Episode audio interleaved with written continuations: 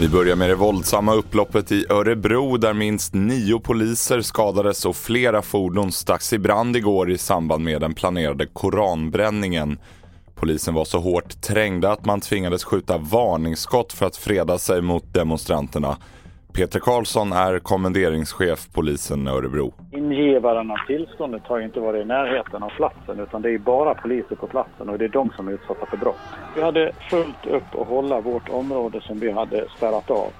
Eh, och vi hade spärrat av med staket och de revs ner och eh, vi, hade, vi hade mycket jobb på platsen. Händelserna utreds som våldsamt upplopp. Det finns inga uppgifter om några gripna. Tre personer hittades döda i en bostad i Vallentuna kommun norr om Stockholm igår kväll. Händelsen utreds som mord men polisen söker ingen misstänkt utan gärningspersonen tros vara en av de döda.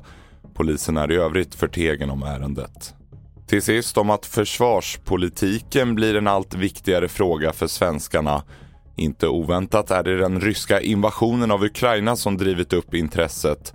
Andelarna som anser att Moderaterna respektive Socialdemokraterna har bäst försvarspolitik är lika stora. Det visar en Novusundersökning som Ekot presenterar idag.